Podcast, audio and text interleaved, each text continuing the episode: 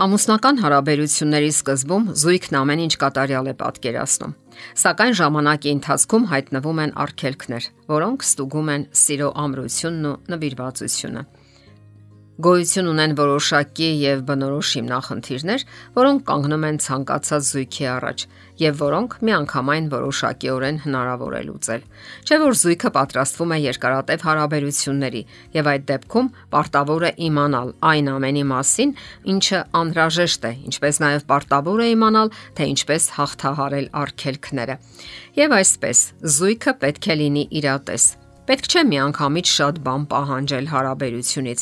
Սովորաբար, երբ վաղ են ամուսնանում, հիմնախնդիրներն ավելի շատ են լինում։ Այնինչ ձեր կողակիցը հաճախ ընդամենը 18-ից 20 տարեկան աղջիկ է, կամ էլ 20-ից 22 տարեկան տղա։ Հասկանալի է, որ ամենից առաջ այսքան վաղ տարիքում ամուսնանալը խորուրդ չի տրվում։ Եվ բնականաբար դուք միմյանց համար չեք կարող լինել ամեն ինչ եւ այն էլ միանգամից։ Ամեն ինչ ունի իր ժամանակը եւ հասունացման ընթացքը։ Ձեր կողակիցը այսուհետև ձեր հարազատ անznավորությունն է։ Ձեր լավագույն խորհրդականը համարյա բոլոր հարցերում՝ աշխատանքային եւ դրամական։ Նա ձեր սեռական զուգընկերն է, համագործակիցը երեխաների դասյարակության գործում։ Մի խոսքով նա պետք է լինի ձեր ամեն ինչը Սակայն ցավոք ոչ մի իրական մարդ ի վիճակի չէ հաջողությամբ հաղթահարելու այդ բազմաթիվ դերերը։ Ահա թե ինչ է գրում այդ մասին Սենթ Լուիսի թերապևտ մասնագետ Անջելա Սկուրտուն։ Մեր բոլոր պահանջմունքները պետք է բավարարեն տարբեր մարդիկ, այդ թվում նաև մենք։ Եթե օրինակ դուք հոգեբանական խառնվածքով էքստրովերտ եք, իսկ ձեր զուգընկերը ինտրովերտ, ապա ձեր ընկերների շրջանակը ամենայն հավանականությամբ ավելի ընդարձակ է, քան նրանը։ Դա չի նշանակում, որ դուք չեք կարող միասին ինչ-որ տեղ գնալ, սակայն դուք կարիք կունենաք նաև այլ ընկերակիցների, որpիսի կարողանաք հագեցնել շփման ձեր պահանջմունքը ձեր ճանապարհին կսկսեն ավելի ու ավելի հաճախ հանդիպել գայթակղության քարեր։ Իսկ եթե ժամանակին չկարգավորեք եւ դրանք չլուծեք, ապա կկուտակվեն։ Նշենք այսպիսի հասարակ թվացող մի պահ, ինչպիսին է հերրախոսը։ Հիմա շատերն են սիրում անընդհատ զբաղվել դրանով, եւ դա կարող է խոչընդոտել հարաբերություններին։ Երբ դուք նոր եք սկսում ձեր հարաբերությունները, այն միգուցե եւ օգնում էր։ Դուք SMS-ներ եք փոխանակում, նկարներ եւ այլն։ Սակայն ժամանակի ընթացքում հերրախոսը վերածվում է լուրջ խոչընդոտի։ Հոկեբույժ Անդրեա Ուոտչերը հարավային Կալիֆոռնիայից նշում է. Որքան երկար եք դուք միասին ապրում, այնքան մեծ է հավանականությունը, որ սմարթֆոնը կխանգարի ձեր հարաբերություններին։ Մեր օրերում, երբ մեր կյանքի մեծ մասը անցնում է վիրտուալ տարածության մեջ, շատ հեշտ է բաց թողնել այն իրական կապը, որ առաջացել էր մեր համատեղ կյանքի ընթացքում կամ սկզբում։ Ինչ անել, Ձեր զուգընկերոջը ցույց տվեք, որ կենթանի շփումը շատ ավելի կարևոր է ձեզ համար, քան վիրտուալ թափառումները։ Երբ տուն եք գալիս, մի կարճեք համակարգչից կամ հեռախոսից, այլ նրան ասացեք առանց այլևայլության, որ ցանկանում եք շփվել նրա հետ եւ փորձեք խորամուխ լինել այն ամենի մեջ, ինչ ասում է ձեր զուգընկերը։ Դե եթե նրա համար կարևոր է ձեզ հետ շփվելը, ուրեմն նրա խոսքերը արժանի են ձեր լիակատար ուշադրությանը։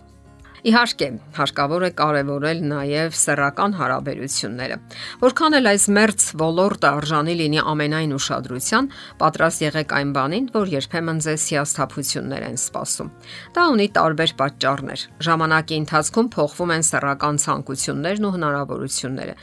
Հնարավոր է չհամընկնեն ձեր ամենօրյա գրաֆիկներն ու ցանկությունները։ Կողմերից մեկը գուցե միշտ զբաղված լինի։ Արդյունքում մեկը կամ երկուսն էլ կարող են ժամանակ կամ ցանկություն չունենալ հարաբերության համար։ Մերս հարաբերություններում այդ հիմնախնդիրը հաղթահարելու համար ոչչերը խորհուրդ է տալիս առանձնահատուկ ուշադրություն հատկացնել շոշափողական շփումներին, որոնք բոլորովին էլ պարտադիր չէ որ հանգեցնեն սեռական հարաբերության։ Նա այսպես է parzabanum այդ հարցը։ Անբավարար մերզությունը հաճախ ավելի խոր հիմնախնդիրների արկայության հետևանք է։ Ավելի լավ է դադարեք մտածել սեռական հարաբերության մասին որպես գլխավոր նպատակի եւ սկսեք ավելի հասարակ շփումներից։ Նաև պատրաստ եղեք նրան, որ ձեր զուգընկերը չի ազատվելու որոշ ված սովորություններից։ Ասենք սովորություն ունի լոգարանի ցանցի վրա թողնելու մազերի փունջը։ Իրականում բավական է 1-2 անգամ ասել այդ մասին եւ նա պարտավոր է ինքը հոգա դրա մասին։ Սակայն կյանքում հաճախ ստացվում է այնպես, որ դիմացինը չի ընդունում դա կամ էլ անտեսում է։ Ձեր ամուսնու շատ տհաճ սովորություններ կարող են բարկացնել անգամ նյարդայնացնել ձեզ եւ ընդհակառակը։ Ահա հենց այսպիսի դեպքերում է պահանջվում սեր եւ համբերություն դրսեւորել։ Նման դեպքերում պարզապես մտածեք, որ հենց սա է ամուսնությունը։ Ամուսնական կյանքում հնարավոր է լինեն նաև դրամական հիմնախնդիրներ։ Տղամարդկանց մոտ ֆինանսների հետ կապված սթրեսը դեպրեսիաների հիմնական պատճառն է։ Դրա հետ կապված զույգը հաճախ է հեռանում հոգեբանորեն եւ ֆիզիկապես։ Մասնագետները խորհուրդ են տալիս միասին լուծել դրամական բոլոր հարցերը։